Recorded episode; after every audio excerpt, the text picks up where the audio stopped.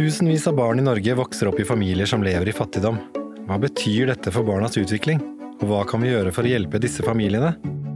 Velkommen til tredje episode av Det virker. I dag skal vi snakke om hvordan vi som samfunn kan lindre og forebygge de negative konsekvensene av sosial ulikhet og fattigdom for barn i Norge. Podkasten er produsert av SpedAmes, Senter for spesialpedagogisk forskning og inkludering, og er finansiert av Forskningsrådet.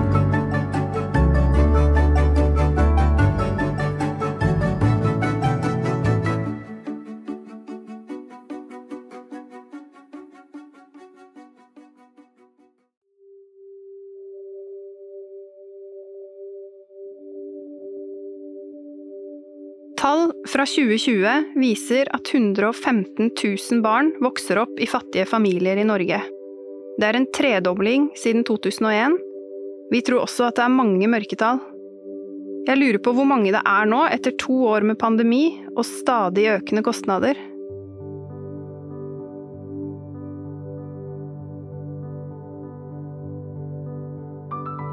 Jeg heter Linn Skrede Sandberg og jobber i Kirkens Bymisjon på Stovner i Oslo. Vi jobber med veldig mange familier og barn, også de som lever i fattigdom. Fattigdom er et økende problem i Norge. Hvorfor snakkes det ikke mer om dette? Å vokse opp i fattigdom preger barna på mange måter og kan få store konsekvenser.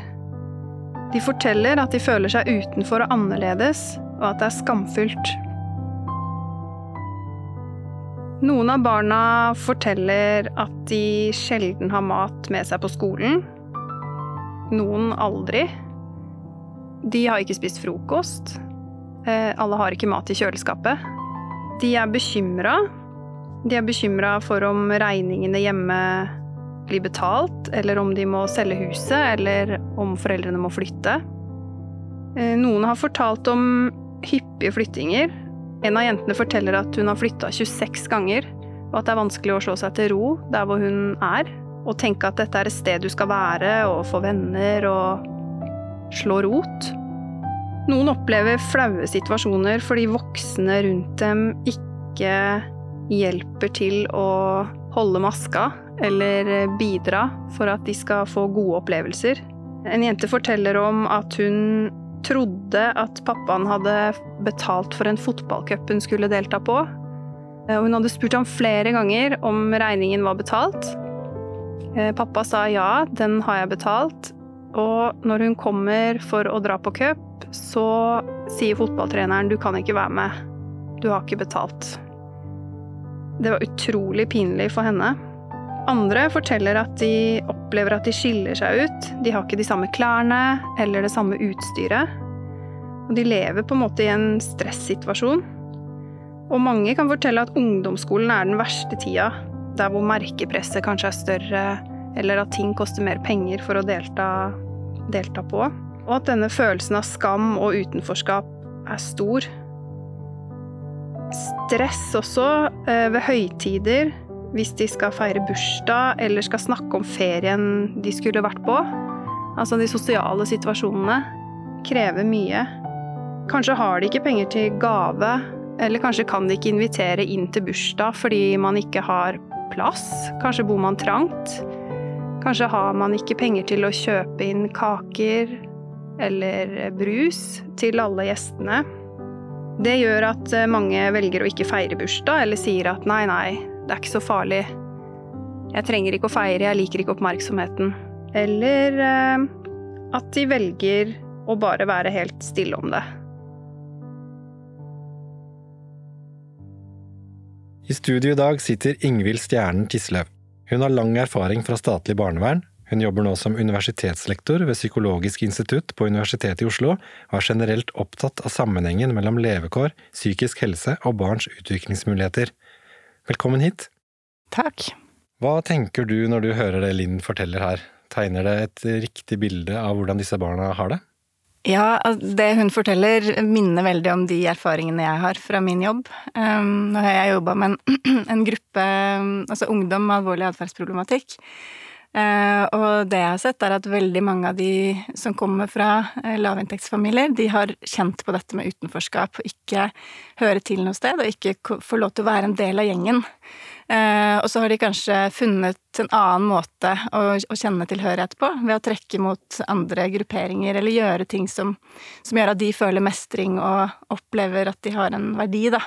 Og ganske tidlig så har de kjent på det der med at ikke de kan delta på fritidsaktiviteter, eh, at ikke de har det andre har, eh, og følt på liksom, eh, ofte en skam over å ikke, ikke være som alle andre, da.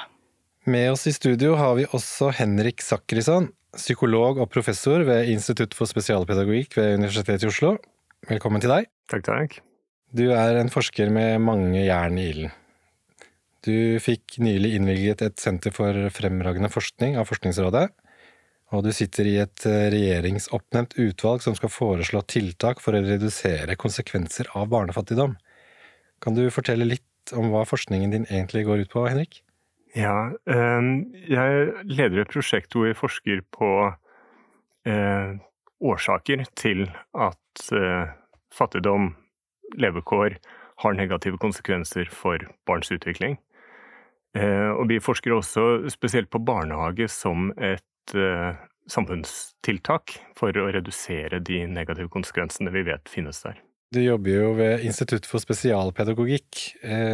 Hvorfor er dette en del av spesialpedagogikken? Det er to svar på det. Det ene er at, som Ingvild og Linn beskrev, så fører levekårsutfordringer til utenforskap for mange. Og noe av kjernen i spesialpedagogikken er inkludering. Og ikke bare inkludering i et klasserom, men også inkludering i samfunnet.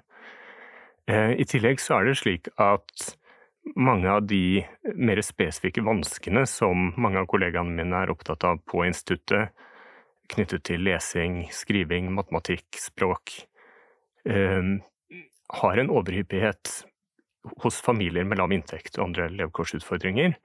Eh, så det å se disse vanskene som enkeltbarn strever med, og de tiltakene som vi gjør for å hjelpe de barna, i konteksten av også den familien og den familiens situasjon, er en vesentlig del av å forstå og kunne hjelpe barn med eh, spesialpedagogiske behov. Man hører ofte begrepet å leve under fattigdomsgrensa. Hva er egentlig denne fattigdomsgrensa? Det er veldig vanskelig rett og slett å kalle noe en fattigdomsgrense i Norge. ikke sant? Fordi vi, i sammenligning med resten av verden, så har vi det jo veldig bra. Vi har høy velstand. Eh, en fattig person, eller en person vi tenker på som fattig her, vil jo oppleves som kjemperik i Bangladesh, eh, for eksempel. Men når vi skal forske på dette, så bruker man ofte seks, altså de som tjener under 60% av medianinntekten. Det er et inntektsmål. Ehm, så det er jo de som er helt lavest på inntektsstigen, på en måte. Samtidig så er det ikke sikkert at det å være der gjør at du føler deg fattig. Eh, så derfor har man også i det siste begynt å se mye mer på opplevelsen. ikke sant? Hvordan opplever du deg i forhold til de andre? For det tenker jeg er viktig når vi snakker om fattigdom i Norge, at det er en opplevelse av å være utenfor et fellesskap, eh, og at du sammenligner deg med de andre rundt deg og ser at jeg har ikke mulighet til å delta i samfunnet på lik linje som de andre.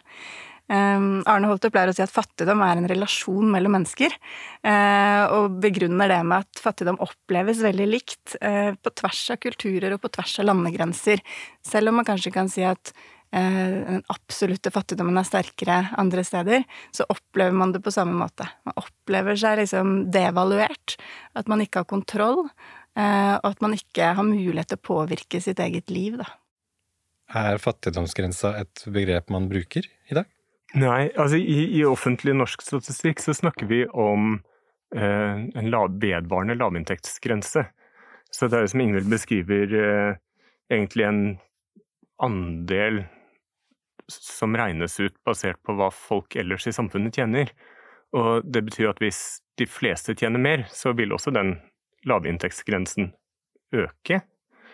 Uh, uten at det nødvendigvis forteller oss så mye om uh, livet i de familiene vi egentlig snakker om. Eh, andre land har, utenfor Europa har ofte eh, mer absolutte som behovsprøvede fattigdomsgrenser. Altså Amerikanerne har er det 24 000 dollar i året eller et eller annet sånt. Så det er en annen måte å på en måte definere familiens økonomiske ressurser i lys av hva man tenker at familie, en familie trenger. Men så tenker jeg også det er viktig å legge til, i tillegg til det Ingvild sier som er helt riktig, at, at, vi ofte fokuserer på inntekt når vi snakker om fattigdom, men at de familiene som ofte får problemer når de ikke har penger, har utfordringer på mange andre områder. Og det kan handle om tilknytning til arbeidslivet, sykdom, psykisk sykdom, rus. Eh, kanskje ikke alt på en gang. altså Boforhold som kan være vanskelig. Så det er på en måte en konstellasjon av mange utfordringer i livet som ofte følger av eh, lav inntekt, eller kan føre til lav inntekt.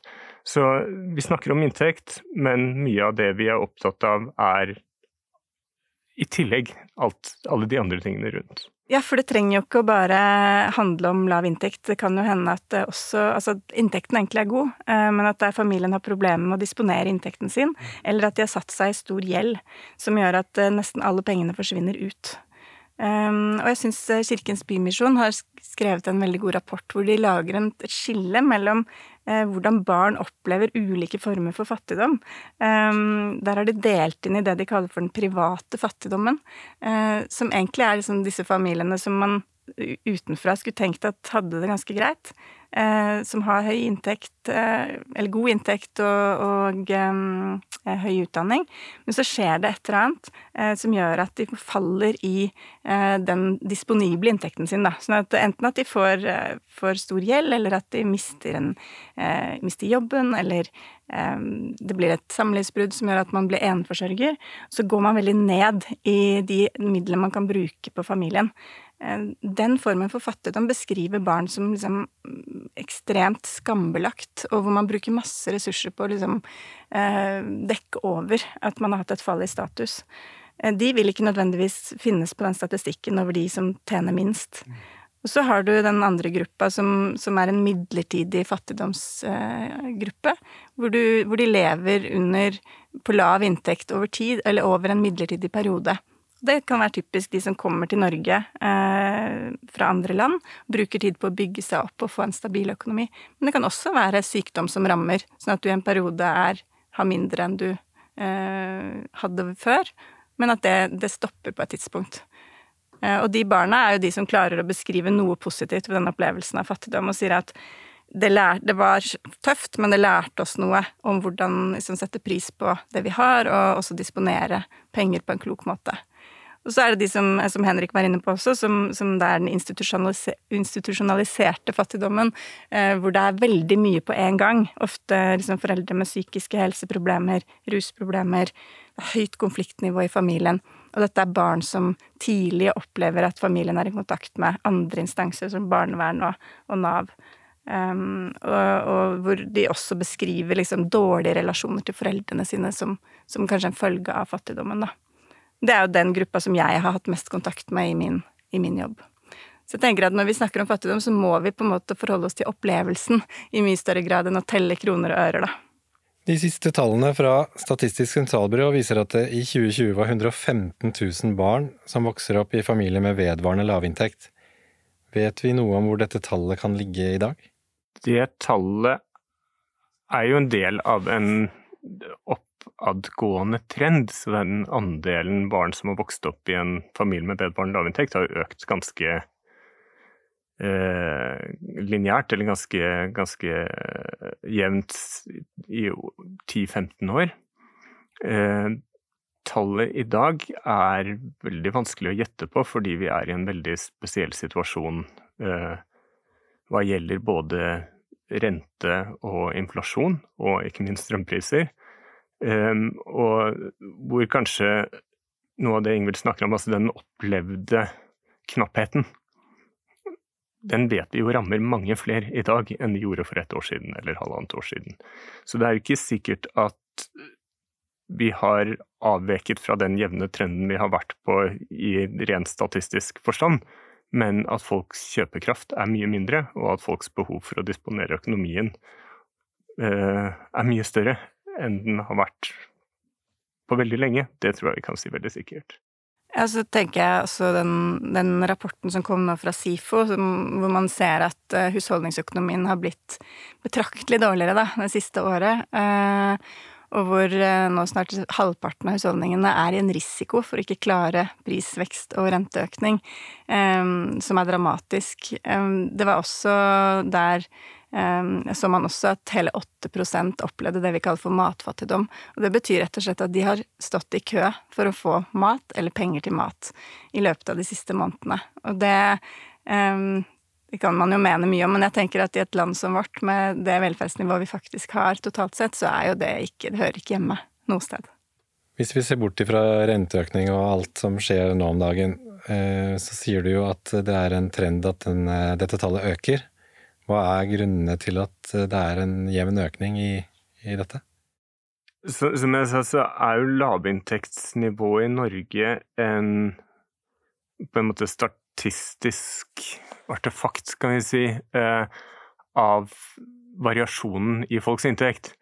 Og når de rike blir rikere, og de som tjener har inntekt omtrent midt på treet, blir rikere, så vil det også bli flere som eh, faller under den grensen. Men eh, det er også grunn altså det, er noe omdebattert, men omtrent eh, halvparten av økningen i lavinntektsfamilier de siste ti årene ifølge Statistisk sentralbyrå har vært blant familier med eh, ikke-norsk bakgrunn. Eh, og så noen spekulerer i om innvandring kan være en del av det. Det tror jeg er kontroversielt, og jeg vet ikke om det er riktig. Eh, en annen del av det kan være at vi har et arbeidsmarked som blir mer segregert. Altså Hovedårsaken til at folk har lavinntekt, er at eh, foreldre har utrygg eller ustabil tilknytning til arbeidslivet. Eh, og med et, si, et, mer segregert arbeidsmarked i den forstand at det er flere jobber som har høyere kompetansekrav, så det er mer konkurranse om noen arbeidstakere og mindre om noen, eh, så kan det ha bidratt over tid, selv om vi har lav arbeidsledighet i Norge akkurat nå. Jeg syns jo det er interessant fordi det, vi har sett en tredobling sant, i løpet av de siste 15 årene. Eh, før det så var Norge et av de landene hvor barn eh, hadde lavest risiko for å oppleve fattigdom. Eh, I dag så er det den aldersgruppa eller alderskohorten som har størst risiko for å oppleve fattigdom. Eh, også mer enn minstepensjonister, ikke sant. Så det har skjedd et eller annet. Um, jeg har lyst til å trekke fram barnetrygden. Fordi det er av, et av de tiltakene som man gjorde for å beskytte barnefamilier eh, mot, eh, mot, fattigdom, eh, og som ikke, ikke sant, Man har ikke fulgt opp det tiltaket eh, i forhold til prisvekst, da. Så, så, det er det jo flere forskere som har pekt på, at man kunne indeksregulert barnetrygden og fått vekk ganske mange av de som eh, opplever fattigdom i dag. Men jeg er helt enig i dette med arbeid, ikke sant. Eh, og, og, hvis man skal snakke om innvandring, så tror jeg det er viktig også å se på da eh, hva skal til for å komme i jobb i Norge i dag? Um, og da er det ikke så underlig at hvis du kommer fra et annet land med en annen kultur og et annet språk, uh, og en kompetanse som kanskje ikke verdsettes på lik linje i Norge, uh, så er det vanskeligere å komme seg inn på arbeidsmarkedet. Uh, vi vet at veldig mange kommer inn på arbeidsmarkedet via nettverk. Og det er vanskelig å få seg nettverk. Det er rett og slett, Norge er ikke et lett land å få nye venner i. Eh, sånn at det tar tid. Eh, og da vil jeg tenke at mange av de som havner i denne midlertidige fattigdommen, kan jo være folk som man bruker litt tid på å komme inn, få seg et nettverk, få seg en jobb, eh, få godkjent den kompetansen man kommer med. Og i løpet av den tiden så, så vokser jo barnet til. Eh, ikke sant? Det kan jo være de ti årene, da, som er den barndommen. Så jeg tror at eh, ja, arbeid er kjempeviktig, og vi må se på hvordan vi får folk i jobb eh, så fort som mulig. Og så er det jo noen som ikke kan jobbe. Ikke sant? Og der er vi jo inne på et annet eh, kanskje tiltak, men som, hva gjør vi med de som faktisk ikke eh, klarer å, å være i jobb? Eh, og hvordan ser det ut for dem? Og der har vi vel også hatt et sånt lag på hvordan Eh, nivået på trygdeytelser eh, er i dag, da, sammenligna med eh, hvordan det har vært tidligere. Mange av de som jobber med familier som, hvor foreldre ikke klarer å jobbe, beskriver jo et veldig komplisert system rundt både Nav og andre tiltak. Altså det å manøvrere i et system når man i utgangspunktet har lite eh, kapasitet, fordi det er et høyt belastningsnivå i familien, det vet vi er krevende. Eh, så vi har jo helt sikkert også som samfunn et forbedringspotensial i å støtte og legge til rette for at de som ikke kan ha en jobb, også kan ha en, en, familiesituasjon som er mindre belastende enn den er i dag. Når en familie lever i økonomisk knapphet, hvilke negative konsekvenser har det for barnas utvikling, og hvorfor?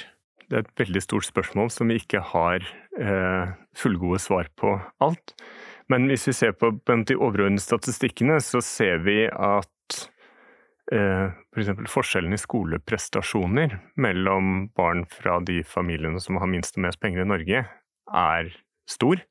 Eh, og den øker gjennom skolegangen.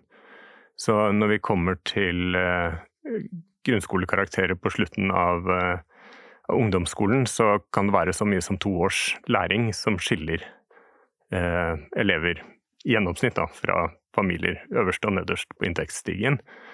Eh, men vi ser at disse forskjellene starter tidlig. Vi ser f.eks. denne den typen forskjeller fra omtrent to års alder i barns språkutvikling.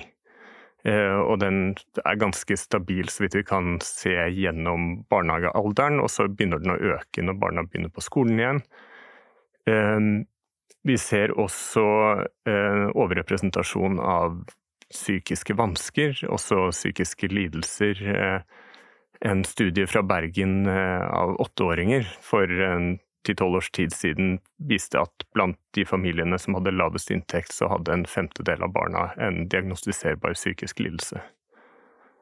Eh, sammenlignet med 5-6% i resten av, av utvalget. Eh, så på et statistisk nivå så er det jo veldig betydelige konsekvenser.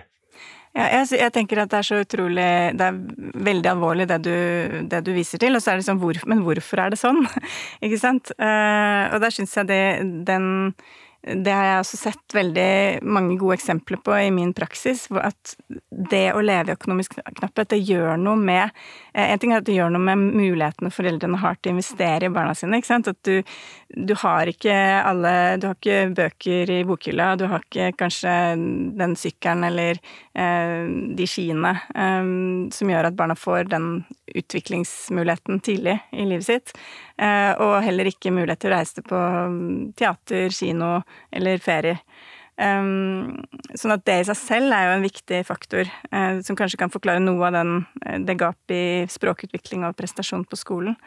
Men så har du også det som skjer i familien i relasjonene mellom folk i familien som følge av det økonomiske stresset, da.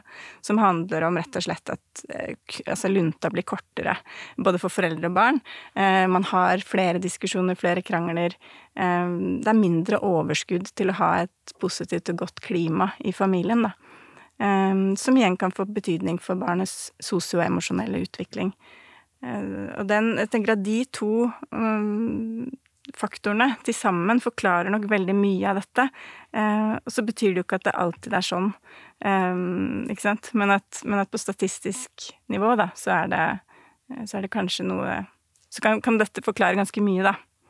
Jeg er helt enig i det du sier, og også poenget at det er, dette er jo ikke en naturlov som gjelder for alle. og noen foreldre er veldig gode til å skjerme barna sine, og noen foreldre lar seg ikke stresse av å ha knapphet.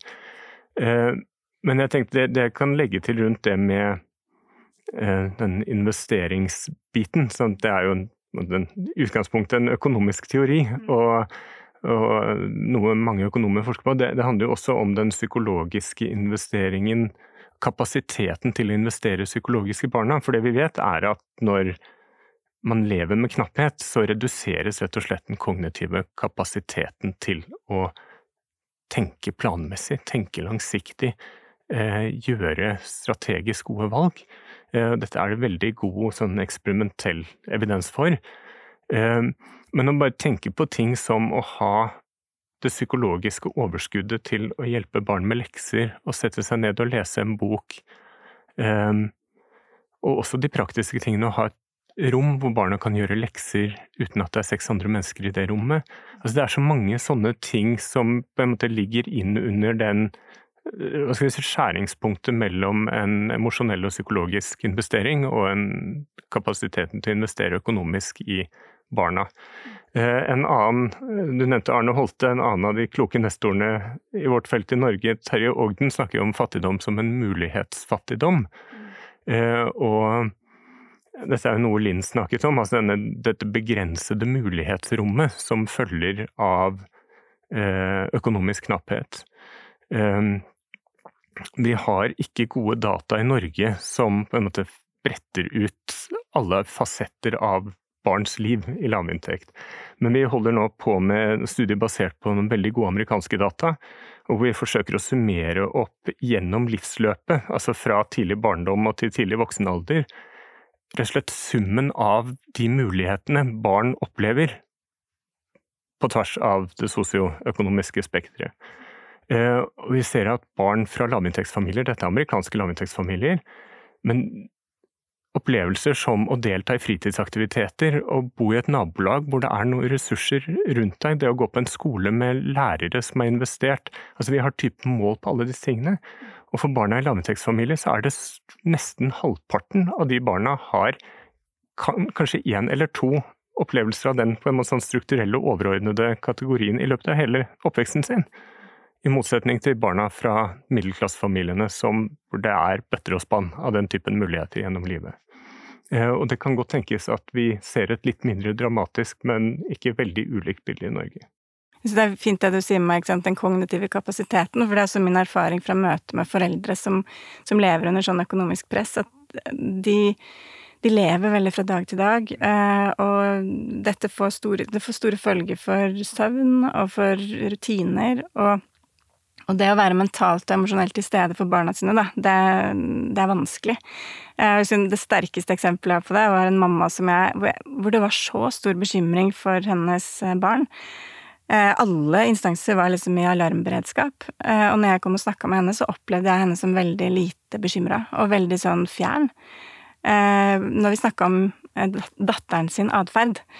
Men når vi kom inn på tilfeldigvis liksom hvordan dette med penger og bosituasjon, så møtte hun blikket mitt, og så var hun sånn Dette trenger jeg hjelp til. Og apropos Linn, ikke sant, som som sier dette med flyttinger. En familie som hadde flytta åtte ganger på elleve år, ikke sant. Eh, det var det som sto i hodet hennes, det var å slippe å flytte en gang til. Eh, før hun hadde et trygt sted å bo, så var det nesten umulig for henne å gå inn og begynne å se på hva hun kunne gjøre annerledes som mamma overfor den jenta. Eh, og heldigvis så fikk vi mulighet til å jobbe med, med det, og fikk eh, på plass en trygg bosituasjon. Og da hadde hun et helt annet utgangspunkt til å, til å få til noe i den familien, da. Men det er jo ikke rart. Altså, vi må, kanskje vi må bare rett og slett tilbake til Maslow. Ikke sant? Her er det, Vi må ha de grunnleggende behovene på plass. Folk må føle seg i hvert fall en viss grad av trygghet eh, før de kan begynne å endre på liksom, kompliserte samspillsmønstre og ja, gjøre ting veldig annerledes. Da. Jeg tenker at det å være forelder er jo en krevende, krevende oppgave i seg selv, og vanskelig for mange. Jeg har tre barn selv. Eh, det å være foreldre med økonomisk knapphet er på en måte en ekstra belastning som gjør så mye av det foreldreskapet krevende.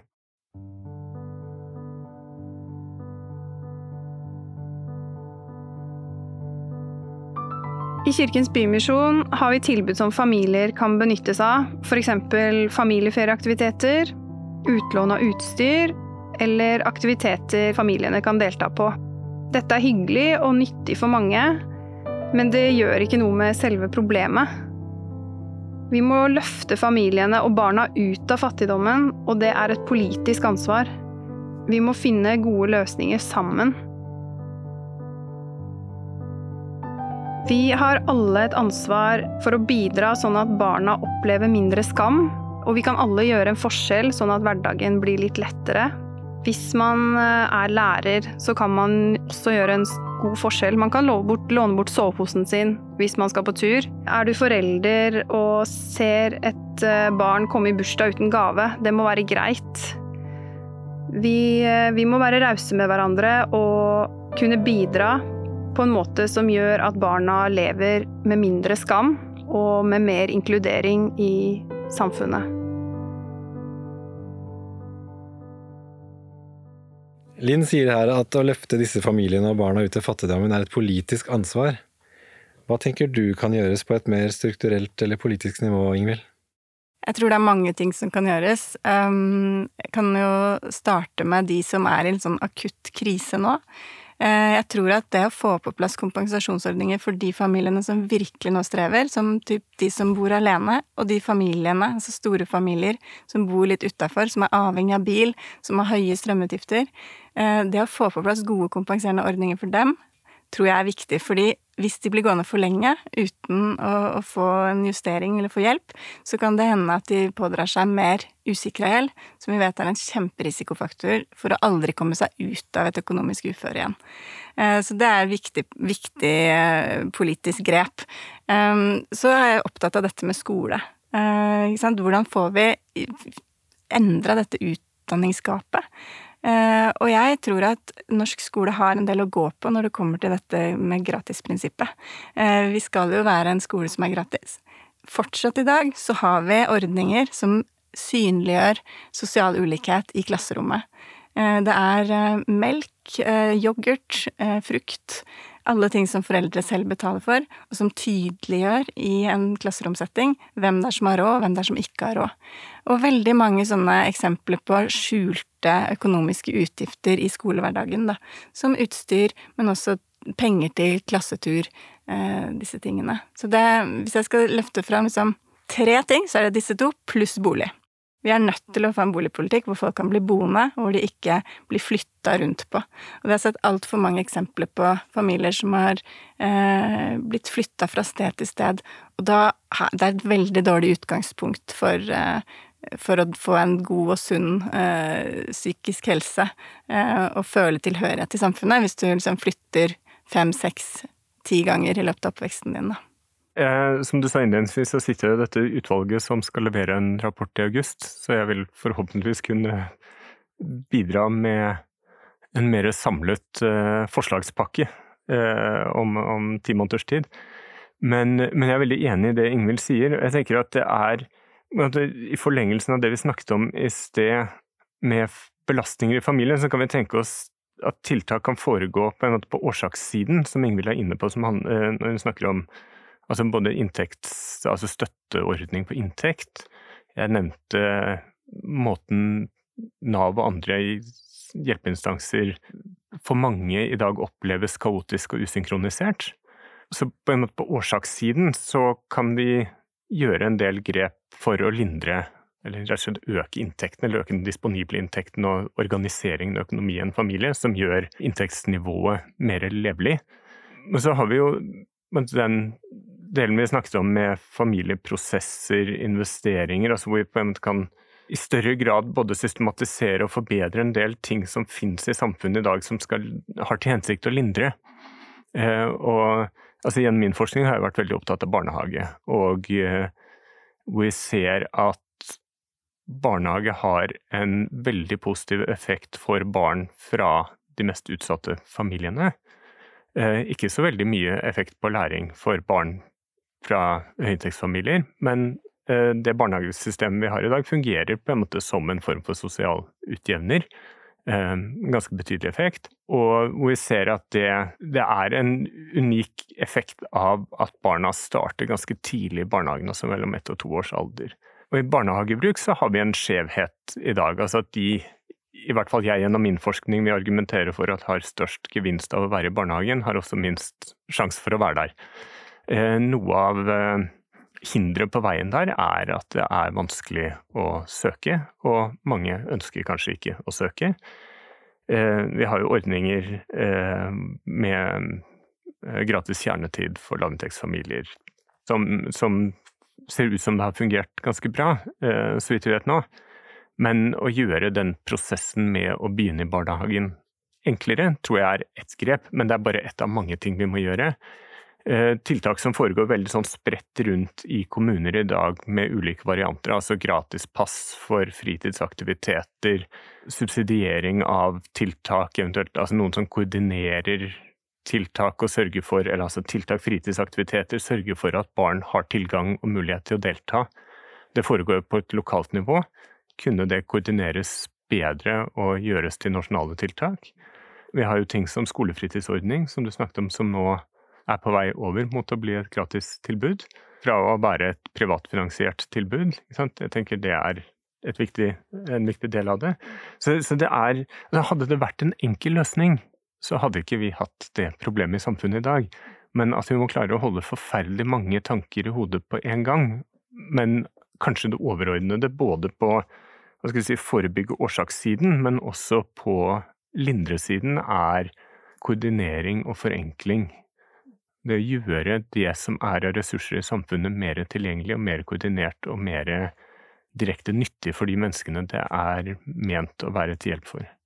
Jeg tror, jeg tror det er superviktig det at vi skjønner det du sier nå, at det er komplekst. Og det det er, det, det er, ikke én løsning. Eh, for det jeg ofte opplever, er at man blir, man blir veldig opptatt av sitt ene tiltak. Og det, er, er superviktig at vi må få inn eh, gratis barnehage, eksempel. Og så, så tenker man ikke at det går an å gjøre noe med foreldrenes inntektsnivå i sted. Så tenker, ja, så tenker jeg at jeg burde heller heve familiens inntektsnivå. Um, men når det kommer til levekår og økonomi, så er det sånn det, det griper inn på alle disse arenaene hvor barna ferdes.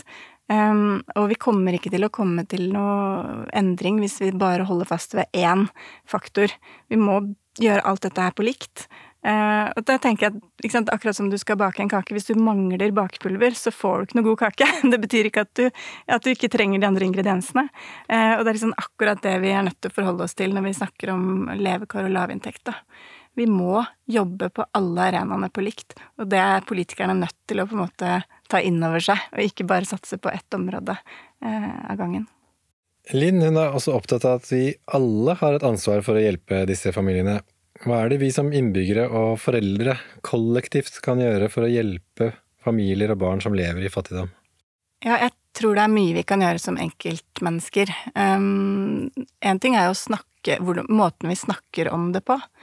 Uh, jeg er veldig redd for at i et samfunn som vårt, hvor vi har en tanke, i hvert fall, og vi, vi tross alt har en sterk velferdsstat, så blir det ofte sånn at man lett tror at de som havner utenfor, har gjort et eller annet for det selv. Eh, og, og, at det blir litt sånn ja, hvis du er fattig i Norge, så er det litt din egen skyld, på en måte. Eh, så det å være bevisst på hvordan man snakker om de som strever økonomisk, Eh, i hvert fall oss som voksne. At ikke vi bruker liksom, snakker ned billigprodukter eller? Eh, sånne ting som kan være enkelt å, å slenge ut eh, ved middagsbordet. da, Sånn First Price og Æsj og sånn. Det tror jeg er kjempeviktig. For det viser, vi må vise en respekt for at dette kan faktisk ramme hvem som helst. Og det er ikke sånn at du, at du har valgt det selv eh, hvis du havner nederst på inntektsnivået, med inntektsstigen så tror jeg at det, at det, handler om å skape et samfunn der alle kan oppleve at de, at de er ønska, at de er trygge, og at de kan delta og bidra med noe. Og det å fjerne alle former for økonomiske barrierer for deltakelse, det har vi, særlig tenker jeg som foreldre, stort, et stort ansvar og en stor mulighet til, da. Jeg bor i en bydel hvor 25% av barna lever i vedvarende lavinntekt. Og likevel så strever vi litt der også med å liksom bli enige om er det sånn at man skal ha med gave når man kommer i bursdag. Eh, hvordan er det med disse pengene som skal med på leirskolen? Vi har ikke noe samkjørt eh, måte å tenke rundt det på. Jeg tror at vi, vi, er nødt til å bli mye flinkere på å bygge ned de terskerne for deltakelse for de familiene der faktisk 50 kroner er for mye. Jeg er enig med Ingvild at hvis vi som samfunn kollektivt sikrer at flest mulig kan være inkludert i mest mulig, og at vi ikke gjør ting som skaper en presendens eller forventning om et ambisjonsnivå som ikke er oppnåelig for alle de menneskene som er rundt oss, så kan vi oppnå en mye større grad av opplevelse av å være inkludert for mange flere. Jeg syns eh, Leo Ajkic var og holdt foredrag på, på Holmlia for en stund siden, og han sa det at hvis du, hvis du som forelder har råd til å kjøpe de aller dyreste joggeskoene til sønnen din, så ikke gjør det. Eh, fordi det skaper også en, en, eh, forventning hos de andre sant, om at vi må ha disse skoene. Eh, og, og, det er litt sånn det er vanskelig, fordi som mamma og pappa så vil du jo gi det beste til barnet ditt. Du vil gi det du har mulighet til å gi. Eh, og det å være solidarisk på den måten er kanskje litt sånn uvant. Men jeg tror det er litt veien vi er nødt til å gå, da. Og se på hva vi Hva slags forventninger skaper vi i barna våre, også i de som er rundt. Og de, Noen av de eksemplene jeg har med meg, er jo barn som ikke har sjans til å få de nye joggeskoene i, i løpet av oppveksten sin, og som heller da finner andre muligheter å få, å få sånne typer statussymboler på, som kan få fatale konsekvenser for deres utvikling videre, da. Nå må vi dessverre runde av her. Eh, jeg merker at dette er et tema vi gjerne kunne snakket mye mer om. Et tema som kanskje burde snakkes mer om. Jeg har i hvert fall lært mye i dag, og som pappa til barn i både barnehage og skole, så føler jeg også at jeg har fått en del å tenke på og reflektere over. Tusen takk til dere, Henrik Sakrisson og Ingvild Stjernen Tisløv. Det har vært en glede å ha dere her. Takk for at jeg fikk komme. Tusen takk. Denne podkasten er produsert av SpedAmes, Senter for spesialpedagogisk forskning og inkludering. SpedAmes er finansiert av Forskningsrådet og er et samarbeid mellom Universitetet i Stavanger, Universitetet i Agder, Nord universitet, Universitetet i Bergen og Universitetet i Oslo. Takk for at du hørte på.